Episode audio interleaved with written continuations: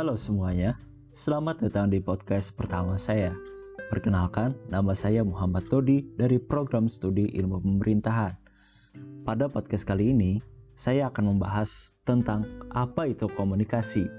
Sebelum kita masuk ke inti pembahasan, tentunya kita pasti bertanya, mengapa manusia harus berkomunikasi?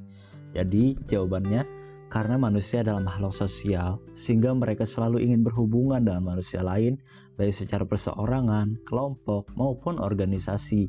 Setiap manusia yang hidup sehat dan normal akan selalu memiliki perasaan ingin tahu segala hal, sehingga mendorong manusia untuk melakukan komunikasi dengan orang lain.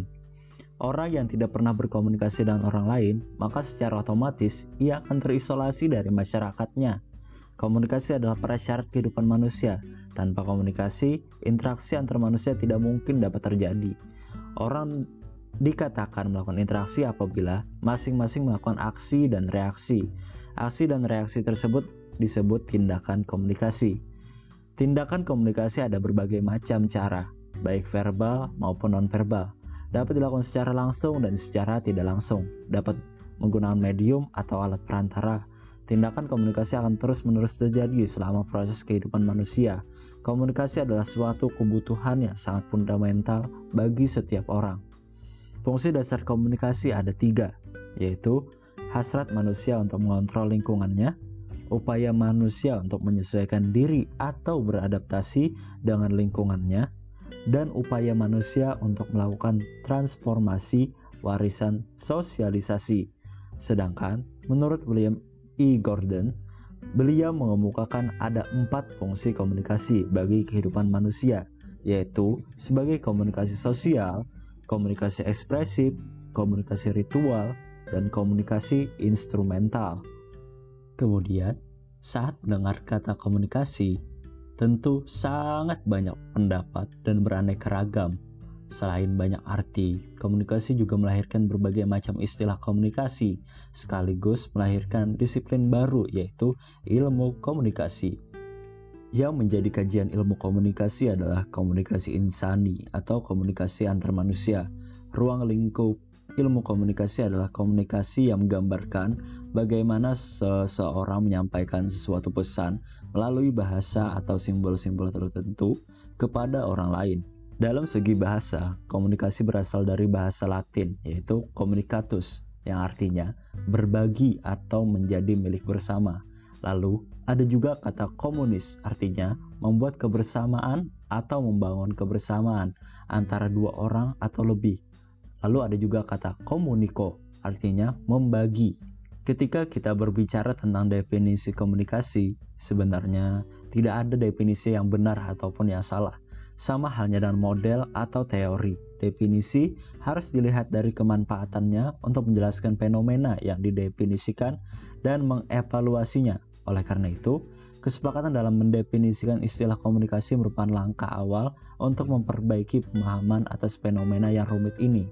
Komunikasi sulit didefinisikan, katanya abstrak dan seperti kebanyakan kata-kata memiliki sejumlah arti. Semua pakar komunikasi sepakat bahwa komunikasi mencakup perilaku sengaja yang diterima.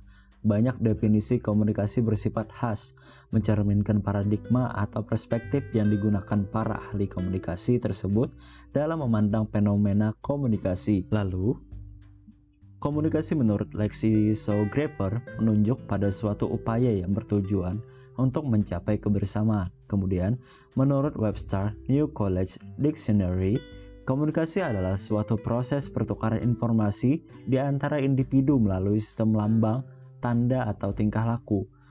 Menurut Frank E. X. Dance dan Carl Larson, dari 126 definisi komunikasi, ada tiga dimensi konseptual penting yang menjadi dasar definisi-definisi yang ada, yaitu dimensi tingkat observasi, dimensi kesengajaan, dan dimensi penilaian normatif.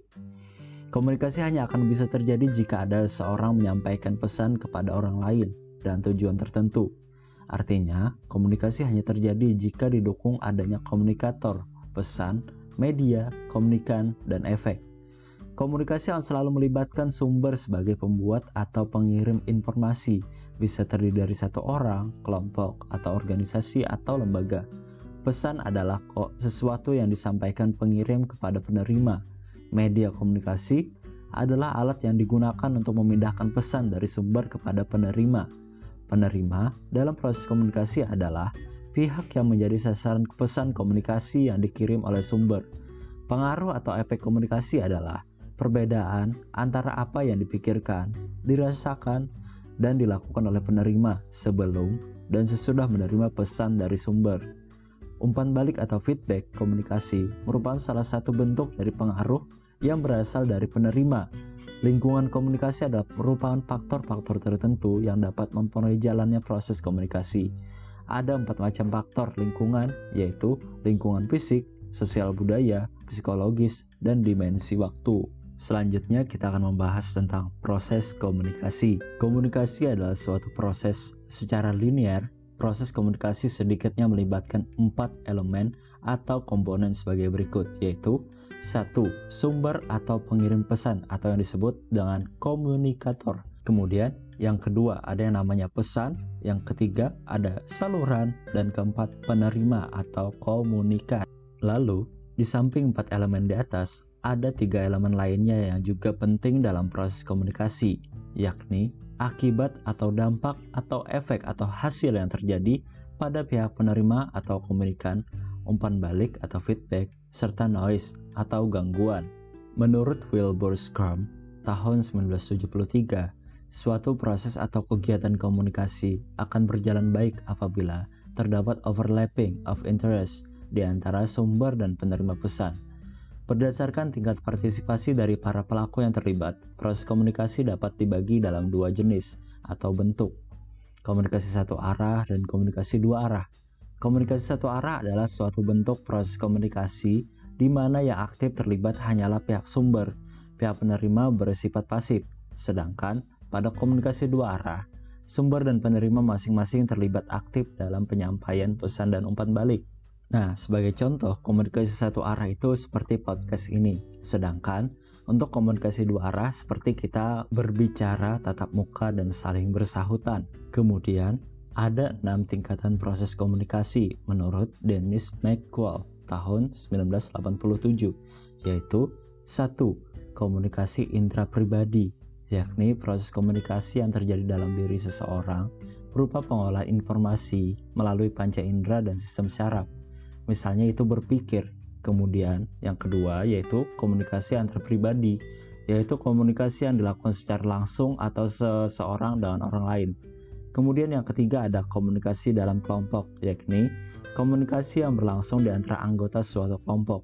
Lalu yang keempat, ada komunikasi antar kelompok, atau disebut asosiasi, yaitu komunikasi antara satu kelompok dengan kelompok lain.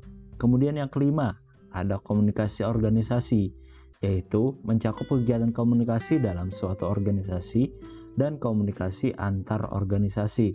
Kemudian yang terakhir yaitu nomor 6 yaitu komunikasi dengan masyarakat secara luas. Dapat dilakukan melalui dua cara yaitu komunikasi massa dan juga komunikasi langsung tanpa melalui media massa.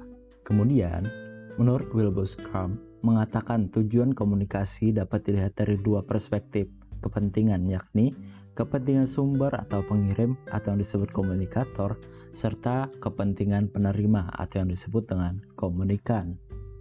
Lalu menurut Harold de Laswell mengatakan bahwa komunikasi mempunyai tiga fungsi sosial yaitu untuk pengawasan lingkungan, kemudian korelasi di antara bagian-bagian dalam masyarakat untuk pencapaian konsensus mengenal lingkungan dan juga sosialisasi. Di samping tiga fungsi di atas, komunikasi juga mempunyai fungsi hiburan. Tujuan komunikasi dapat dipandang dari kepentingan sosial dan kepentingan individu. Komunikasi diharapkan menimbulkan suatu akibat atau hasil yang terjadi pada diri penerima sesuai keinginan dari pihak sumber Akibat atau hasil komunikasi dapat mencakup tiga aspek berikut, yaitu aspek kognitif, yaitu menyangkut kesadaran dan pengetahuan. Kemudian yang kedua ada aspek afektif, yaitu menyangkut sikap atau perasaan atau emosi. Yang ketiga ada aspek konatif, yaitu menyangkut perilaku atau tindakan. Indikator dari akibat atau hasil komunikasi yang terjadi pada pihak penerima untuk setiap aspek, tiga di antaranya yang cukup populer adalah model AIDA, yaitu attention, interest, desire, dan action. Kemudian ada model hierarki efek dan model adopsi inovasi. Apa itu model AIDA? Model AIDA adalah dampak atau hasil komunikasi menyangkut empat hal yakni perhatian atau attention, minat atau interest, keinginan atau desire, dan tindakan atau action. Kemudian ada model hierarki efek. Model ini lebih kompleks yaitu mencakup enam tahap yaitu menyadari, mengetahui, menyukai, memilih, meyakini, dan membeli.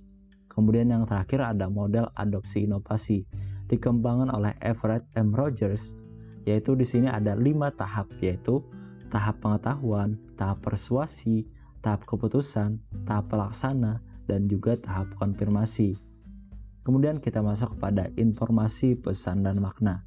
Menurut Fisher, tahun 1986 mengelompokkan berbagai pandangan mengenai konsep informasi ke dalam tiga buah variasi, yaitu pertama, istilah informasi menunjukkan fakta atau data yang dapat diperoleh selama tindakan komunikasi berlangsung.